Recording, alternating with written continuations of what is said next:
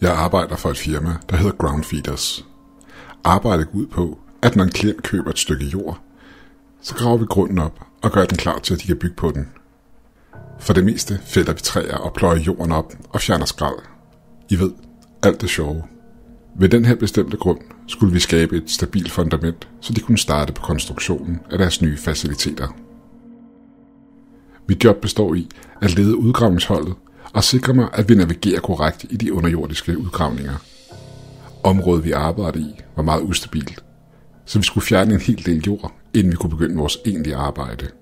Det er en vigtig opgave, da vores udgravningshold kunne risikere at skulle arbejde under jorden, og jorden derfor kunne blive ustabil og falde ned over dem. Efter hvert holdskifte ville jeg smide min hjelm på og gå en runde og kortlægge det nye udgravede område. En aften fandt jeg noget, der skræmte mig for livet. Jeg har aldrig set noget, der var så uhyggeligt og så skræmmende, som jeg skulle være vidne til der. For tre dage siden arbejdede vi sent. Vi var bagud i vores tidsplan, og hvis medarbejderne er her sent, så er jeg på pladsen endnu mere sent. Jeg er supervisor, og er der som regel, før de andre møder ind. Og tit den sidste, der går. Efter den lange arbejdsdag gik jeg som en runde og begyndte at kortlægge det nye udgravede område. Alt gik efter planen, indtil jeg så noget underligt stikke op af jorden ved kanten af det område, udgravningsholdet har arbejdet på tidligere.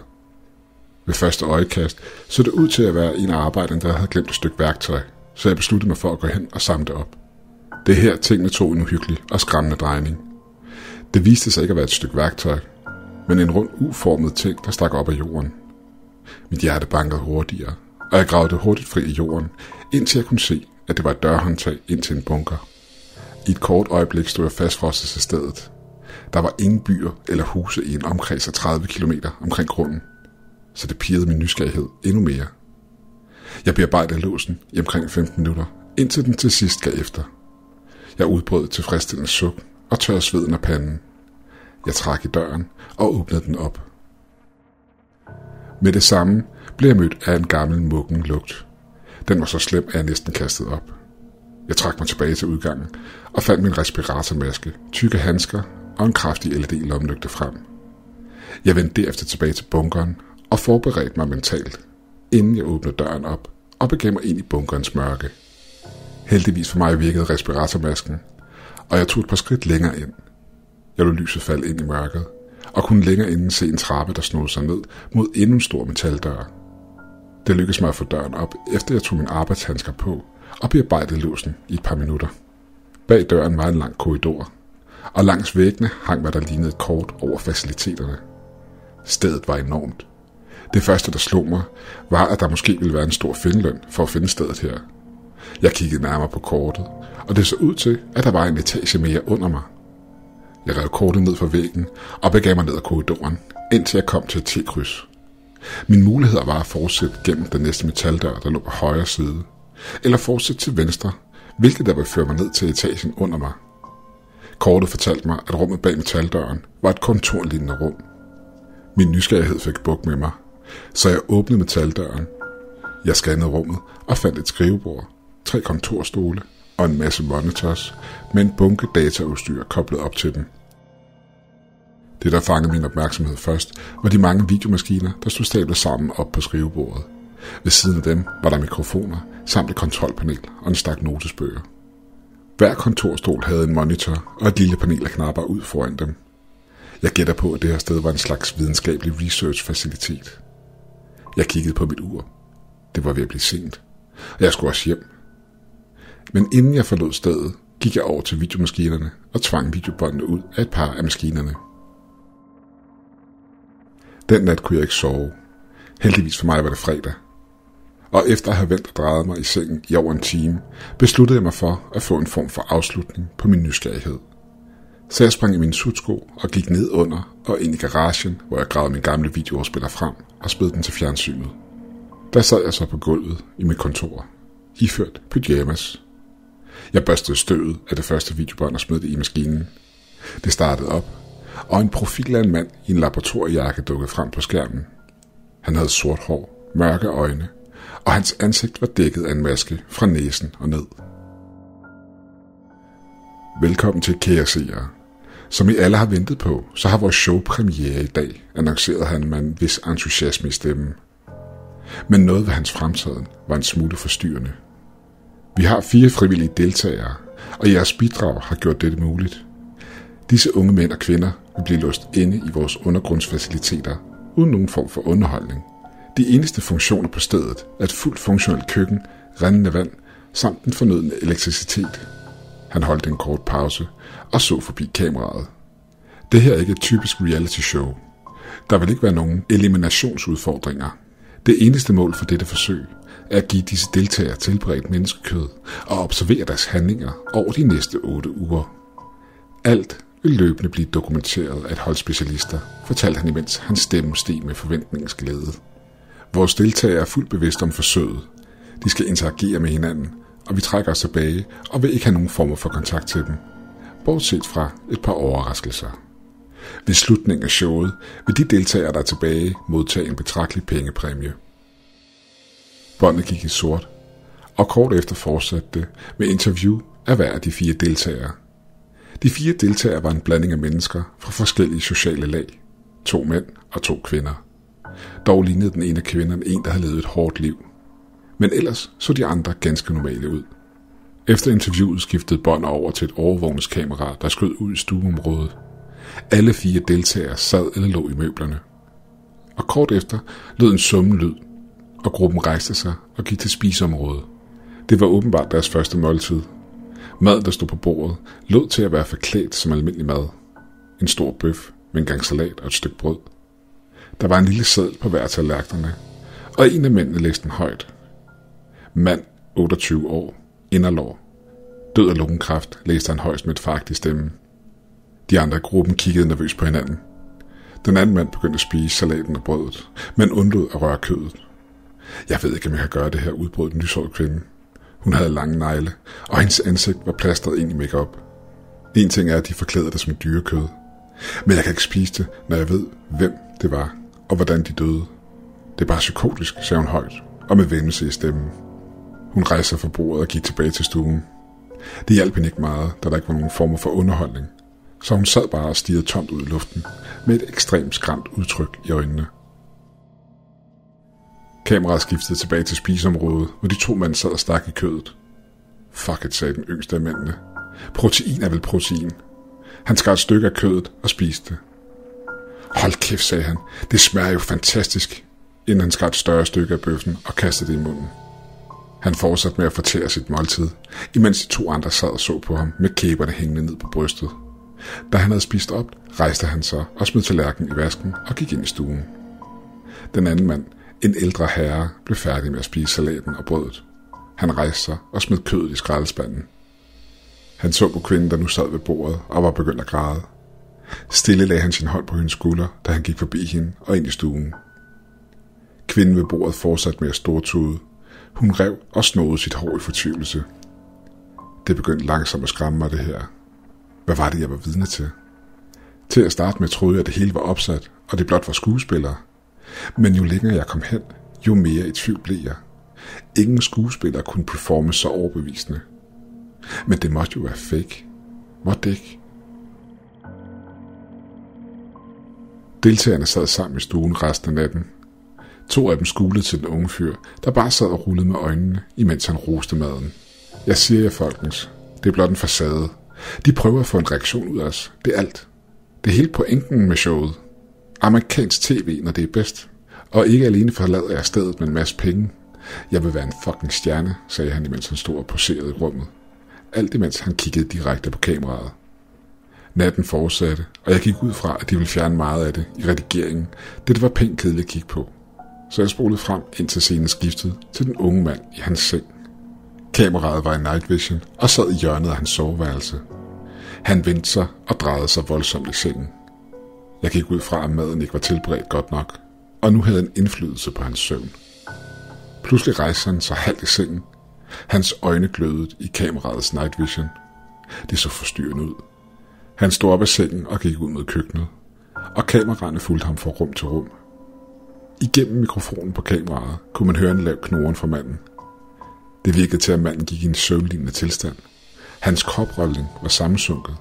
Han bevægede sig igennem rummene, som om han var i en trance. Han stoppede ved skraldespanden og lænede sig ind over den.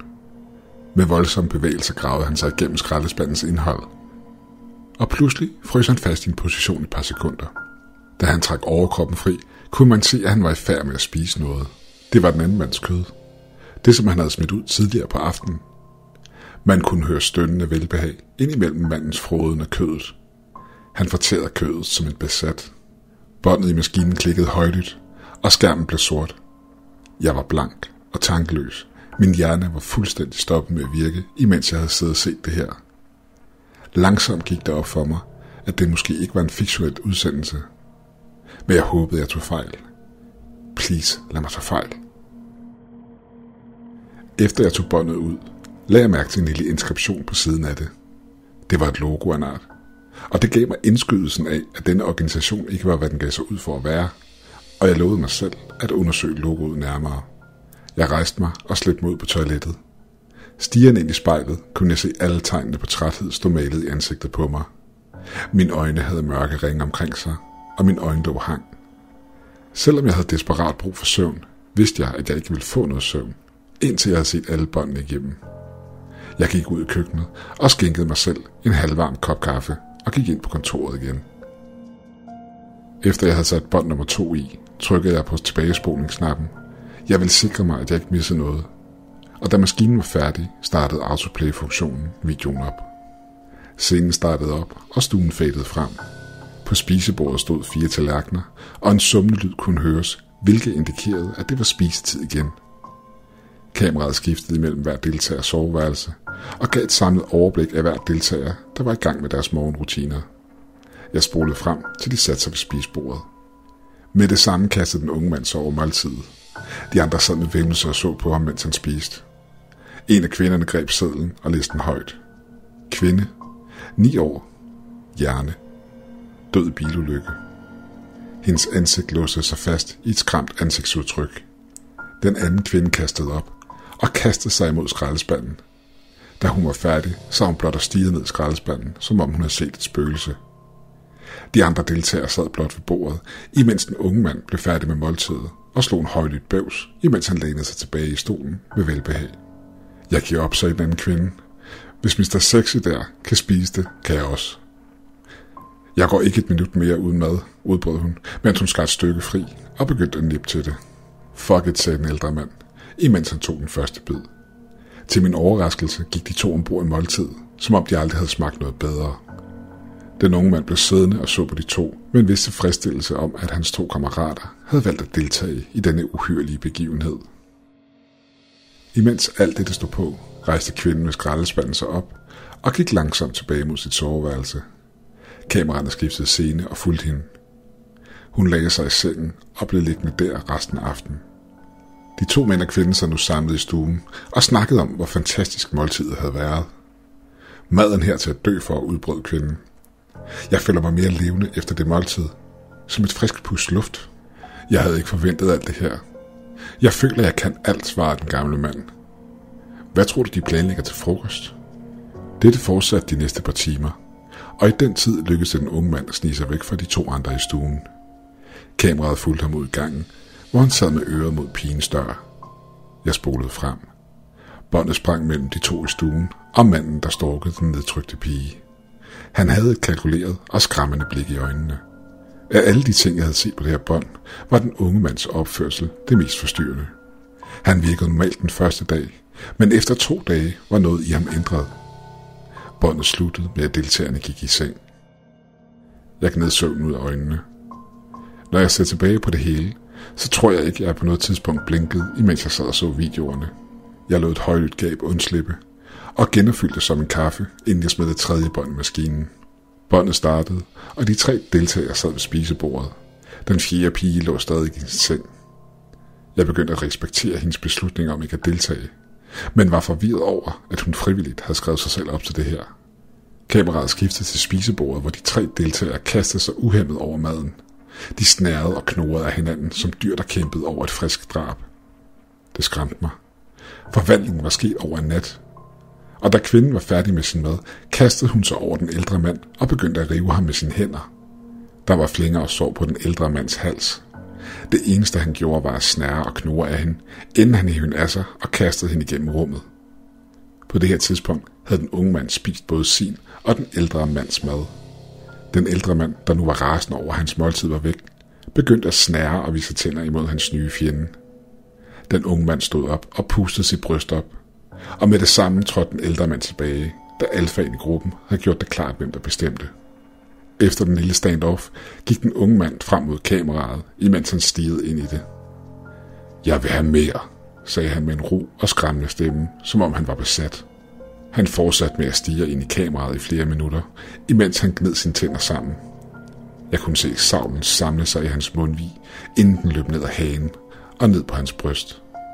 Efter et par minutter blev en lem i loftet åbnet op, og en by af kropsdele faldt ned på gulvet i køkkenet. Man kunne tydeligt høre lyden af kødet, der ramte det kolde gulv. Tarme blev fanget på ventilatorens blade og hang nu som en mobil dekoration i loftet. De tre hylede og kastede sig over buffeten, som bestod af menneskelige rester. Det var som at kaste en klump kød ind til et bur med sultne løver. De åd hvert stykke nådesløs. Da de fik tilfredsstillet deres sult, lagde de sig på ryggen og så op i loftet med et uhyggeligt grin malet i deres ansigter. Hele min krop rystede ved synet, og jeg måtte stille min kaffekop fra mig, da jeg ikke kunne styre rystelserne. Mine øjne gjorde ondt, og jeg havde ikke lagt mærke til at sollyset, der langsomt var begyndt at skinne ind gennem sprækken ved gardinet. Skærmen blev sort efter deres ædegilde, og efter 30 sekunder skiftede scenen til en firedel skærm, hvor hver af de fire deltagere var i deres seng. Som om de havde sat en alarm, rejste tre af de fire sig fra deres seng. Skærne i deres øjne var skræmmende og virkede nærmest primale. Hver især forlod de værelset og gik ud i gangen. Som om det hele var planlagt, gik de mod den fjerde piges værelse. Hun havde ikke bevæget sig fra sengen siden forrige nat. Hun måtte ikke have meget energi, efter at have gået flere dage uden mad. Men så, igen hvis jeg havde hørt de lyde, som var udsprunget fra deres tidligere adgilde, så tror jeg heller ikke, jeg var opsat på at undersøge, hvor lyden kom fra. De samlede sig ud foran hendes dør, og alfahanden skubbede døren op. Man kunne se en tynd lysstråle sprede sig ind i rummet, hvor kvinden lå i sin seng. Alt man kunne høre i mørket var en dyrsk vejrtrækning for gruppen, som en knoren og en snæren. På et kort øjeblik sprang alle tre på kvinden i sengen, rev dynen af og eksponerede hendes svage hjælpeløse krop for de blodtørstige bæster. Deres tænder sank dybt ned i hendes kød, og langsomt rev de hende i små stykker. Lyden af hendes skrig fyldte mine højtalere og sendte kuldegysninger ned ad ryggen på mig. Hun havde ikke en chance. Rummet blev fyldt med blod og flød ud på gulvet. De badede i blodet for kvinden, der nu lå spredt i flere stykker ude i rummet. Knoren og umenneskelige hyl fyldte rummet, imens de frådende fyldte deres maver. Hvis jeg ikke havde haft så stor mangel på søvn, havde jeg brækket mig på stedet, eller for den sags skyld besvimet. Men noget holdt mine øjne klistret til skærmen, imens disse kanibalske bæster fortærede deres tidligere deltagere. Jeg gætter på, at det var måden, man blev elimineret fra det her show. Båndet fadede ud, og kort efter var scenen skiftet til, at de to mandlige deltagere var i kamp med hinanden. De rev og flåede kødet på hinanden, og blodet flød fra store åbne sår og sprøjtede op på vægge og møbler i stuen. Man kunne høre vreden og ondskaben i deres stemmer, blandet sammen med lyden af huden, der blev revet op. Der var intet menneskeligt tilbage i dem. Kvinden var ikke at se nogen steder, og ud fra rummet tilstand så det ud til, at der var gået flere dage siden scenen i soveværelset. Der lå flere organer spredt ud i rummet, som blev fanget i kameralinsen, alt imens den løbende skiftede scene. Jeg gik ud fra, at hans døde krop lå et sted uden for kameraets synsvinkel. Kampen imellem de to mænd fortsatte i over en time. Der var ingen ende på det, før en af dem lå døde på gulvet. Den unge mand gik et par skridt tilbage og svang sig armen vildt omkring sig, indtil han fik fat i håret på den anden. I samme bevægelse pindede han sin modstanders hoved imod gulvet og rev det af. I en blodros løftede den unge mand sin modstanders hoved triumferende op i luften, imens han udbrød et umenneskeligt hyl. Jeg vandt, råbte han, imens han stirrede ind i kameraet. Scenen var låst på hans ansigt i 30 sekunder, inden båndet sluttede. Jeg sad som forstenet tilbage og stirrede ind i den sorte skærm. Hvad fanden havde jeg lige set? Jeg greb ud efter telefonen for at ringe til politiet. Hvem end der stod bag det her, fortjente at sidde bag lås og slå. Det gik op for mig, at det var morgen. Havde det virkelig været så langt? Havde der virkelig været så mange optagelser på båndene? Jeg greb mit tøj og smed båndene i en plastikpose og fløj ud af døren. Min plan var at informere min chef om, hvad jeg havde fundet, og aflevere båndene til politiet. Jeg kørte ind på pladsen, da jeg så en hvid bil med et alt for velkendt logo på siden af den. Pludselig kom jeg i tanke om, at det selv samme logo havde været på kontrakten, vi havde indgået med firmaet, der ejede grunden her. Det var det samme logo, som jeg havde set på siden af et af båndene. Min mave sank. Jeg sprang ud af bilen med posen i hånden og bragede igennem døren til min chefs kontor. Mit blod frøs til is. Jeg så profilen af en mand med sort hår og mørke øjne, iført en hvid laboratoriejakke, siddende i stolen over for min chef. Du ligner lort, sagde min chef, imens han så op og ned af mig. Det er ingen måde at præsentere sig selv professionelt foran en klient, tilføjede han. Manden vendte sig og så på mig. Et smil bredte sig på hans læber, da han så posen med bånd, som jeg havde i hånden. Jeg fandt de her ved udgravningen, nærmest råbte jeg. Det er vigtigt, at du ser, hvad det indeholder, for alle skyld. Så du fandt den på pladsen, der er ejet af vores klient, svarede han spørgende. Ting, der bliver fundet på en klients grund, tilhører klienten. En slæsk og blød stemme afbrød min chef. Tak for din hjælp, sagde manden, imens han kiggede på mig. Vi mistede faktisk disse bånd for et par uger siden, da vi var ude og inspicere området. De er ekstremt værdifulde for vores research, så jeg er der evigt taknemmelig for, at du returnerer dem til os. Han smilede til mig med et bredt og tandfyldt smil, inden han hævde posen ud af hånden på mig. Han vendte sig imod min chef og gav ham et kort farvelnik, hvorefter han gik ud af døren. Fra det øjeblik sagde jeg mit job op for Ground Feeders, solgte alt hvad jeg ejede og flyttede langt væk. Jeg skriver det her som en slags advarsel, samt også for at få information ud til folk. Hver gang jeg lukker mine øjne, ser jeg de redselsfulde scener for mig, og jeg kan ikke klare det mere. Indtil videre tager jeg bare en dag ad gangen.